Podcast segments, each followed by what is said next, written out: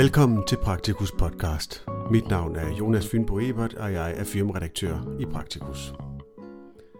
Denne podcast er en oplæsning af artiklen med titlen Mødet med professionelle har stor indflydelse på udsatte unges mentale trivsel og vej til en bedre livssituation. Artiklen er skrevet af Julia Høsgaard Andersen, antropolog, Ph.D. og postdoc på Forskningsenheden for Almen Praksis i København og Funktionelle Lidelser, Aarhus Universitetshospital. Artiklen kan læses i Praktikus nummer 256, der udkommer i juli 2021. Artiklens tekst starter her. Unge med komplekse psykosociale problemer har mest af alt brug for at blive hørt og husket, og det personlige møde med professionelle har afgørende betydning for vejen frem. Det viser et phd projekt Unge, der har komplekse psykosociale problemer og svært ved at komme i uddannelse og job, er genstand for politisk og professionel bekymring, fordi de er i risiko for langvarig social og økonomisk marginalisering. Disse unge har ofte kontakt til mange forskellige professionelle, herunder praktiserende læger, behandlere i psykiatrien, sagsbehandlere, støttekontaktpersoner og mentorer i kommunerne. I forbindelse med mit phd projekt undersøgte jeg, hvordan en gruppe af disse unge oplevede deres møder med forskellige professionelle. Min studie viser, at to helt centrale temaer i de unges oplevelser var at blive hørt og at blive husket. I denne artikel dykker jeg ned i, hvad der ligger i oplevelser med at blive og ikke blive hørt og husket, og hvilke implikationer dette har for de unge. Hvordan er studiet udført?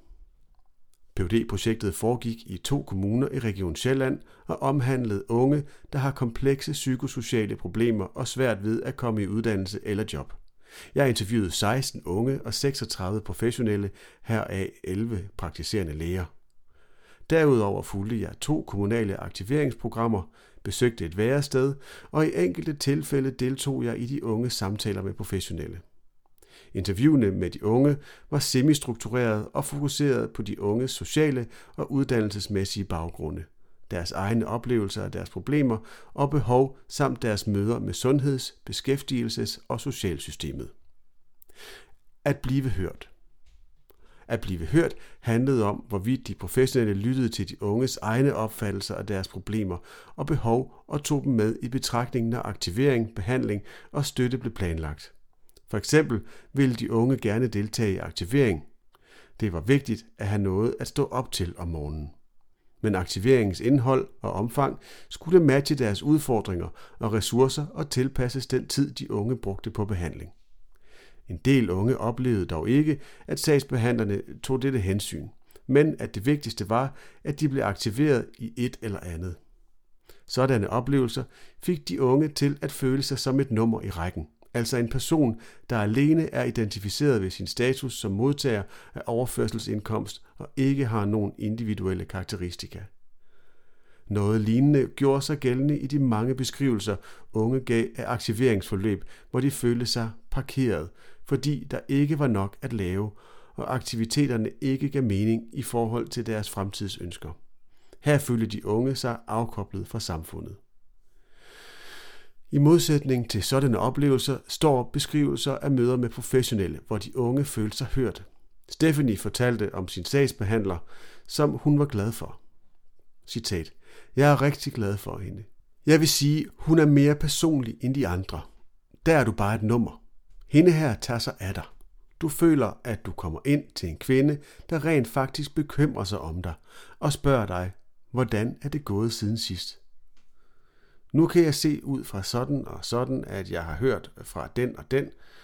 Hvordan synes du, det går? Agtigt. Du får lov til at ytre dig. Citat slut. Her lægger Stephanie netop vægt på vigtigheden af at få lov til at ytre sig, og på at sagsbehandleren er interesseret i hende som menneske, og ikke bare endnu en ung i det kommunale system. At blive husket. At blive husket handlede om kvaliteten af kontakten til en professionel over tid og havde to dimensioner. For det første handlede det om de professionelles viden om de unge. En del af de unge beskrev møder med professionelle, som ikke kunne huske de unges baggrund og omstændigheder fra gang til gang. Af samme årsag måtte de unge ofte fortælle deres livshistorie igen og igen, og som Tanja sagde, citat, Jeg er så træt af at fortælle den til dem. Citat slut. Det konstante krav om genfortælling gav Tanja og de andre unge en oplevelse af, at de professionelle egentlig ikke rigtig var interesserede i dem. Derudover kunne det være ganske pinefuldt at genopfriske en smertefuld fortid.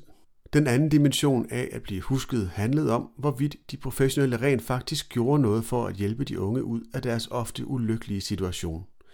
De unge gav eksempler på professionelle, der ikke ringede tilbage som lovede, glemte at tage sig af ubesvarede spørgsmål eller lovede ting, de ikke kunne holde. For eksempel blev Rune stillet et bestemt aktiveringsforløb i udsigt, men han hørte ikke tilbage angående dette, og da han ringede til sagsbehandleren, kunne hun fortælle, at forløbet var lukket ned, og at Rune selv kunne prøve at finde noget andet. Sådanne oplevelser frustrerede de unge, og de følte sig forladt i systemet uden en plan. En del unge havde imidlertid også oplevet professionelle, som netop var godt inde i de unges historier og gjorde, hvad de kunne for at hjælpe dem. Rune beskrev sin praktiserende læge som en sådan professionel. Han sagde, citat, Man ved, at døren er åben. Man ved, at hun ved, hvad det handler om. Hun har et indblik i det, og hun er. Der er ikke noget dømmende overhovedet i forhold til så mange andre, man kan snakke med. Citat slut.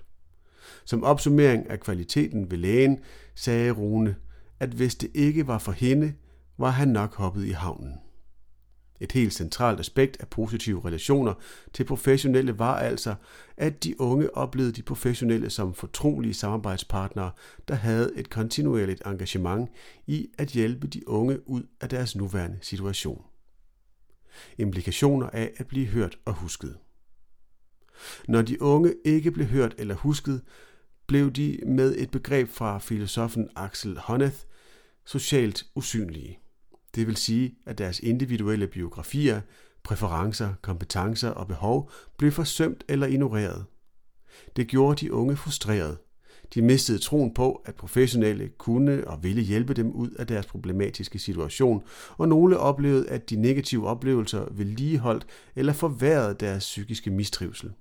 På paradoxal vis bidrog nogle af de hjælpeforanstaltninger, der er rettet mod de unge, altså til de unges oplevelse af marginalisering. Omvendt blev de unge socialt synlige, når de blev hørt og husket som individuelle mennesker. Det øgede de unge selvtillid og tro på, at deres situation kunne ændres. I offentlige og faglige debatter om udsatte mennesker på overførselsindkomst er der ofte fokus på de snævre politiske og organisatoriske rammer, der er for at hjælpe dem.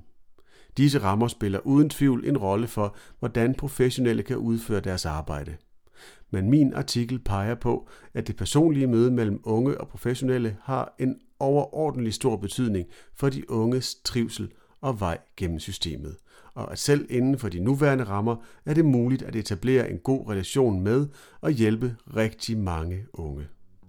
Artiklens tekst slutter her. For at sikre anonymisering er det ikke de unges rigtige navne, der er anvendt i artiklen. Artiklen kan som nævnt læses i Praktikus nummer 256, der udkommer i juli 2021.